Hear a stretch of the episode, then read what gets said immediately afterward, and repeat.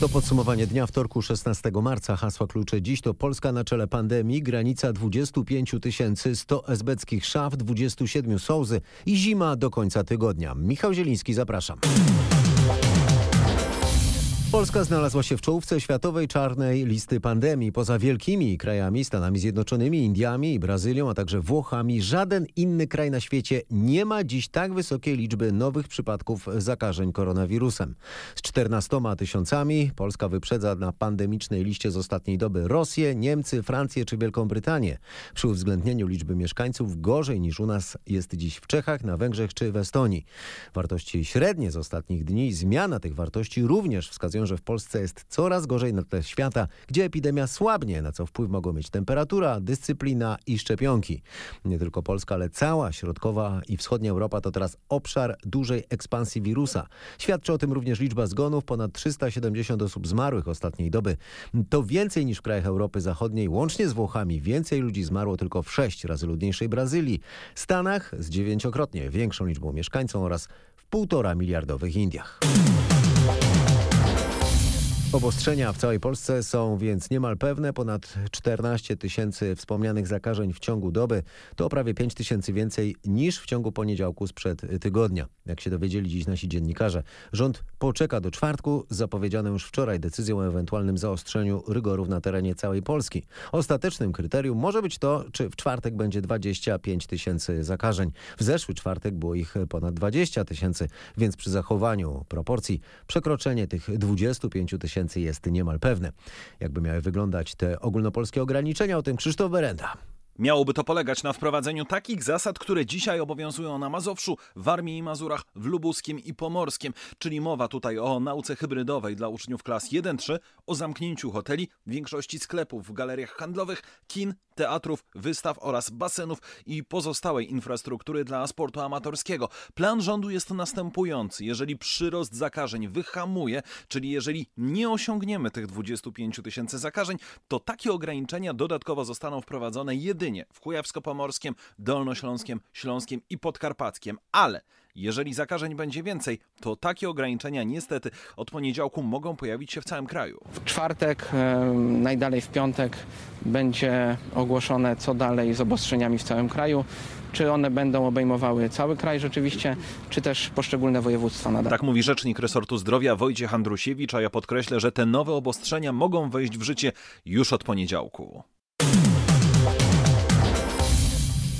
W wielu szpitalach covidowych w Polsce brakuje miejsc. Brakuje również karetek. Dziś rano w Andrychowie w Małopolsce zmarł chory na COVID 80-latek, dla którego zabrakło karetki. Szczegóły Marek Wiosło.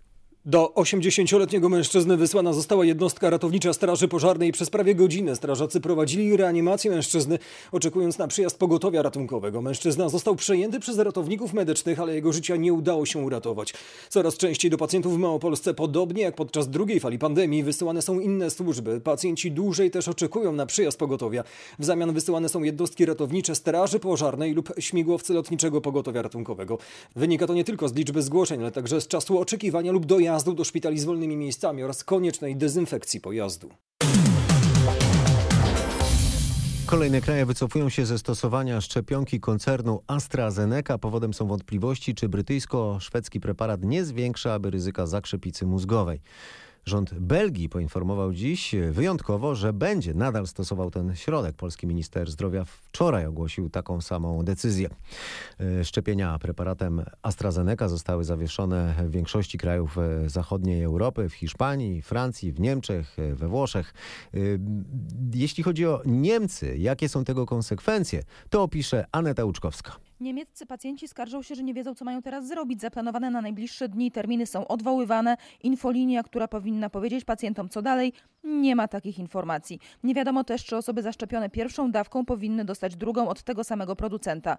Odwołano zaplanowany na jutro szczyt rządowy poświęcony programowi szczepień. Do czasu wydania przez Europejską Agencję Leków jednoznacznej opinii, czy preparat firmy AstraZeneca ma związek z przypadkami zakrzepicy. W Niemczech odnotowano 7 przypadków wystąpienia tych problemów u osób zaszczepionych. Trzy były śmiertelne.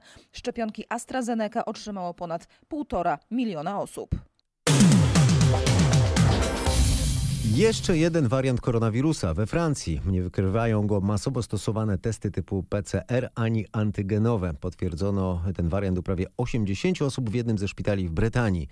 O szczegółach doniesień francuskich epi epidemiologów nasz korespondent w Paryżu Marek Gładysz. Specjaliści podkreślają, że fakt, iż tradycyjne testy nie wykrywają tak zwanego wariantu bretońskiego odkrytego w mieście Lannion znacznie utrudnia śledzenie jego rozpowszechniania się we Francji, bo potrzebne są szczegółowe testy polegające na sekwencjonowaniu genomu koronawirusa które nie są tu stosowane masowo. Ministerstwo Zdrowia podkreśla, że trwają badania w celu ustalenia, czy ten nowy wariant jest groźniejszy i bardziej zaraźliwy niż pierwotna wersja koronawirusa z Chin. Nie ma na razie informacji, które by to sugerowały. Nie wiadomo jednak również, czy skuteczne przeciwko niemu są dotychczasowe szczepionki. A w Czechach obowiązkowe testy na koronawirusa w pracy do tej pory wprowadzono je w firmach zatrudniających co najmniej 50 osób, a teraz e, również obowiązywać ma to w firmach, w których pracuje co najmniej 10 osób. Łącznie testy mają dotyczyć około 3 e, miliona 300 tysięcy ludzi. Te testy muszą być przeprowadzone raz w tygodniu, ale rząd Czech rozważa e, testowanie dwa razy w tygodniu. Konieczność nie dotyczy pracujących z domu, o ile mają się pojawić w biurze. To już tylko z testem www.gov.pl łamane przez dom. Na tej stronie rząd uruchomił formularz, po wypełnieniu którego oddzwoni konsultant i wystawi skierowanie na badanie. Kilkaset zapisów na godzinę. Taka jest częstotliwość na rządowej ścieżce testowania na koronawirusa.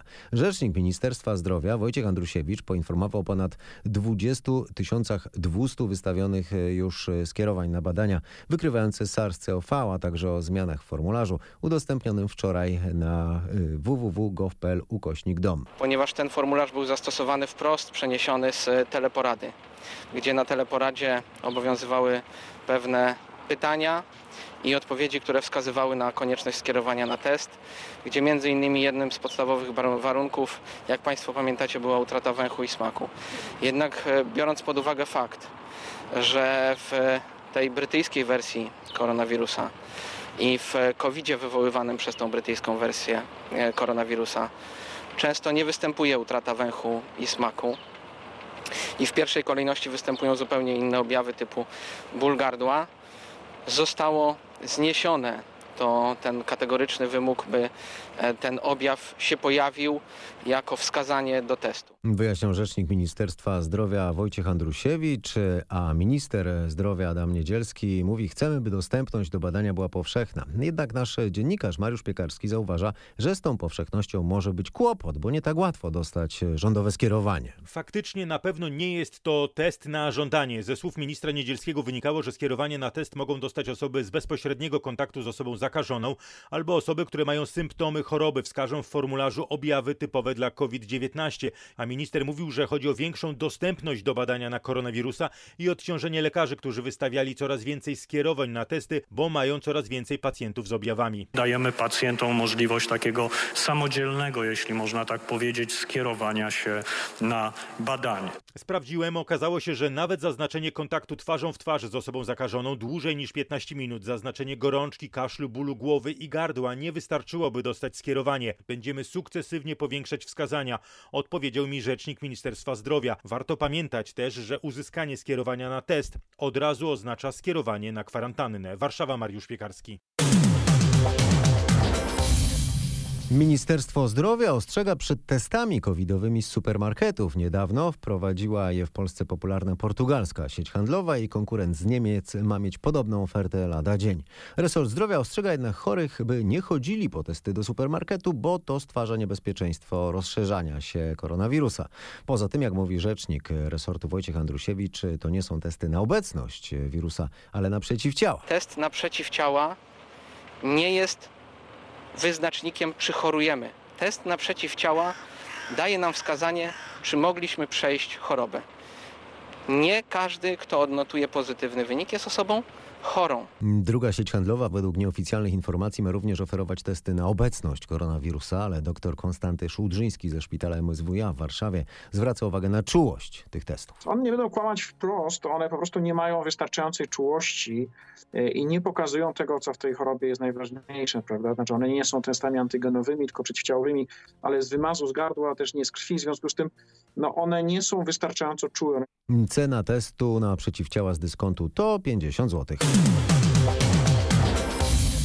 Stopień ograniczenia demokracji w Polsce podobny do rosyjskiego, tak wynika z mapy covidowych limitów wolności zamieszczonej przez RT, czyli Russia Today. Tak to widzi rosyjska stacja. A teraz w podsumowaniu dnia mało zauważany na co dzień właśnie taki aspekt pandemii. Chodzi o ograniczenie praw i wolności obywateli. Dla ochrony zdrowia ludzi rządy krajów demokratycznych wprowadziły nadzwyczajne limity swobód poruszania się, podróżowania, gromadzenia czy prowadzenia działalności gospodarczej. W tych krajach narastał sprzeciw, argumenty przeciwników Śmiertelność wśród zarażonych nie jest wcale wysoka. To samo państwo na przykład zezwala palić papierosy i doskonale na tym zarabia. Rozwiązania pandemiczne są takie same jak w totalitarnych przecież Chinach. Za chwilę w podsumowaniu dnia o brutalnej interwencji brytyjskiej policji podczas spokojnego czuwania kilkuset osób, ale nielegalnego, łamiącego przepisy o zgromadzeniach. Nie milkną echa interwencji londyńskiej policji podczas sobotniego czuwania y, ku pamięci 33-letniej kobiety, o której uprowadzenie i morderstwo oskarżony został policjant. Komentarze zebrał nasz korespondent w Londynie Bogdan Frymorgan. Z jednej strony śmierć kobiety i dramat jej rodziny, zupełnie zrozumiała chęć uczczenia jej pamięci, z drugiej strony obostrzenia pandemiczne, które zakazują tego typu zgromadzeń. W sobotnim czuwaniu w parku Clapham Common uczestniczyły setki osób. Do dyskusji nad interwencją policji włączył się zaniepokojony sytuacją premier Boris Johnson. Ministerstwo Spraw Wewnętrznych oczekuje od Scotland Yardu raportu w tej sprawie. Jego szefowa, Cressida Dick, nie zamierza podać się do dymisji. Wezwała natomiast do zachowania spokoju i jedności w obliczu tragedii, jaka spotkała Sarę Everard. Kobiety zarzucają służbom brak wsparcia, a fakt, że oskarżony o popełnienie tej zbrodni został policjant, komplikuje tę sprawę jeszcze bardziej. Teraz w podsumowaniu dnia cicha historia demokratycznej Polski. Teczki SB, czyli podejrzewany, opisywany w książkach i filmach, wyśmiewany, ale jak się okazuje istotny element rzeczywistości pokomunistycznej Polski.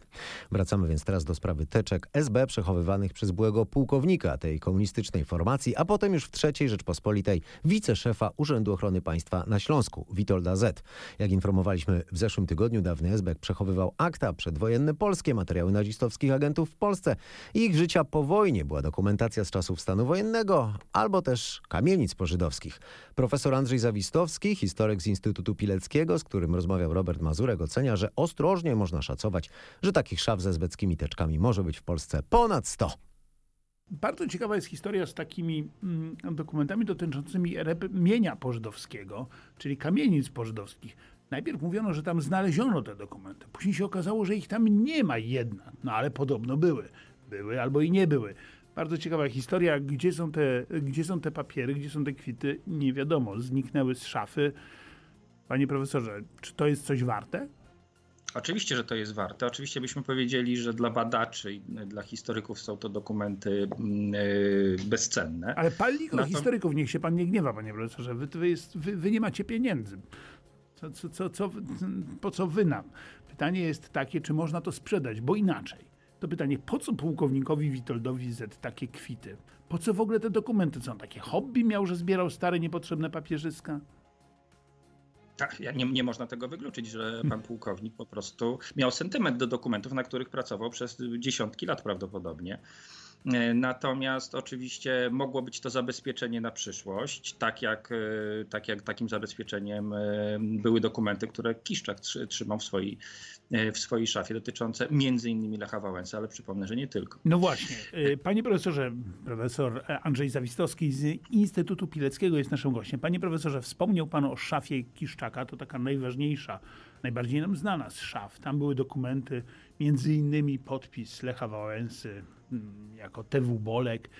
To rzeczywiście wywołało ogromną sensację i poruszenie, ale pytanie brzmi, ile takich szaf może być jeszcze?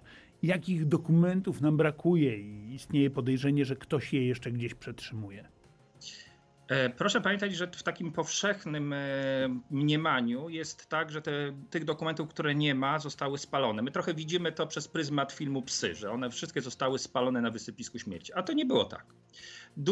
Część e, funkcjonariuszy SB wynosiła te dokumenty w różnym celu.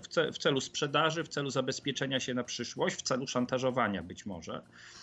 E, jeżeli byśmy policzyli, że 24 z małym hakiem e, tysięcy osób pracowało w SB w 1988 roku, to powiedzmy pół procenta mhm. tych funkcjonariuszy zadbało o swoją przyszłość w ten sposób, no to mamy ponad 100 takich szaf czy pawlaczy, jak w przypadku generała Kiszczaka, gdzieś jeszcze w Polsce być może ukrywanych. No ale to są wszystko domniemania. To są domniemania, że tam w tych szafach są przeróżne dokumenty, o których myślimy, że są zaginione, tak? Że to są te takie białe Były plamy, takie. białe plamy w archiwum IPN-u. Były takie, były takie przypadki, że te dokumenty wypływały i to już w latach 90. W 92 roku był taki proces e, SB-ków e, oskarżonych o stosowanie przymusu fizycznego, prześladowanie opozycjonistów i jeden z SB-ków przyszedł na posiedzenie sądu, wyjął steczki, do, oryginalne dokumenty tajnego współpracownika i zaczął się nimi bronić. No to figla, rzeczywiście. No ale panie profesorze, jeszcze raz spytam, to po co tym ludziom te kwity? Pan mówi, że jako zabezpieczenie, czy no właśnie, jako zabezpieczenie przed czym? W 2006 roku w okolicach wyborów samorządowych w jednym z miast na północy Polski, w czasie bitwy samorządowej w bardzo niewielkim mieście, e, sztabowcy jednego z kandydatów e, na burmistrza wyjęli oryginalne dokumenty SB i zaczęli szantażować przeciwnika politycznego na poziomie Burmistrza. samorządu niewielkiej miejscowości. No, no, proszę Państwa, takie rzeczy na poziomie burmistrza. Także no, jak ktoś był agentem... No to jeżeli na takim poziomie się takie rzeczy zdarzają, i proszę zauważyć, że ktoś musiał mieć dokumenty z, zebrane dokładnie pod daną społeczność lokalną. To nie jest tak, że to były dokumenty, które dotyczyły kogoś w Warszawie, ministra spraw wewnętrznych. To musiał być jakiś pułkownik, znowu kolejny pułkownik hobbysta. Historyk profesor Andrzej Zawistowski w rozmowie z Robertem Mazurkiem. Całość do obejrzenia, posłuchania na rmf24.pl. Przez prawie pół wieku przeleżały w zamknięciu. Odszukano je przez przypadek. W Szczecińskim Urzędzie Miasta odnaleziono dokumenty z początku polskiej administracji. Kilkadziesiąt kilogramów akt, notatek i zdjęć z czasów Piotra Zaręby, czyli pierwszego polskiego prezydenta Szczecina, były ukryte w szafie za boazerią sali sesyjnej. Na cały zbiór archiwaliów natknęli się prowadzący remont budowlańcy. Posłuchajmy prezydenta Szczecina Piotra Krzystka. Mamy tutaj i szereg notatek pana prezydenta e, Piotra Zaręby. Najstarsze dokumenty pochodzą z końcówki kwietnia 1945 roku, czyli praktycznie zaraz po przyjeździe pana prezydenta do Szczecina. E, Kończą się w latach 70. i są to bardzo różnego rodzaju dokumenty. Jest bardzo ciekawa mapa z narady w Szwerinie z września 1945 roku, ustalająca granicę polsko-niemiecką, jak państwo widzicie, opatrzona pieczęciami. Mamy pierwsze linie tramwajowe, które tam były uruchamiane w Szczecinie. E, Mamy też kartę tramwajową prezydenta Zaręby z 47 zdaje się roku. Pewnie poszerzy to znacznie naszą wiedzę na temat e, tych pierwszych miesięcy czy pierwszych lat funkcjonowania polskiej administracji na terenie Szczecina i Pomorza Zachodniego. Mówi obecny prezydent Szczecina Piotr Krzystek, wojewódzki konserwator zabytków. Ma zdecydować, co się stanie z tymi dokumentami. Urzędnicy chcieliby je przede wszystkim zdigitalizować.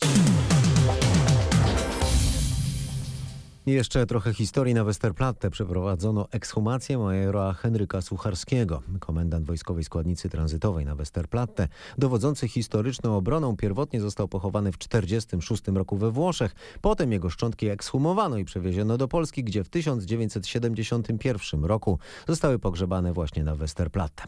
E, Nasz reporter Kuba Kauga o tym, e, co się teraz dzieje ze szczątkami majora. Aktualnie są w Bazylice Świętej Brygidy w Gdańsku i mają tam zostać do ponownego państwowego pogrzebu. Ten planowany jest na 1 września 2022.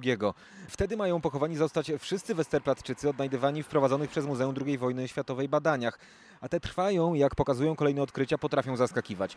Dziś planowana była także ekshumacja kaprala Andrzeja Kowalczyka. W jego teoretycznie trumnie znaleziono jednak biały foliowy worek. w którym genetycy i archeologowie odnaleźli zmielone e, ludzkie szczątki, w które wkręcone były także elementy jednoznacznie świadczące o tym, że są to szczątki niemieckiego żołnierza. który najpewniej zginął w 1945 roku, mówił dziś dyrektor Muzeum II wojny światowej Karol Nawrocki.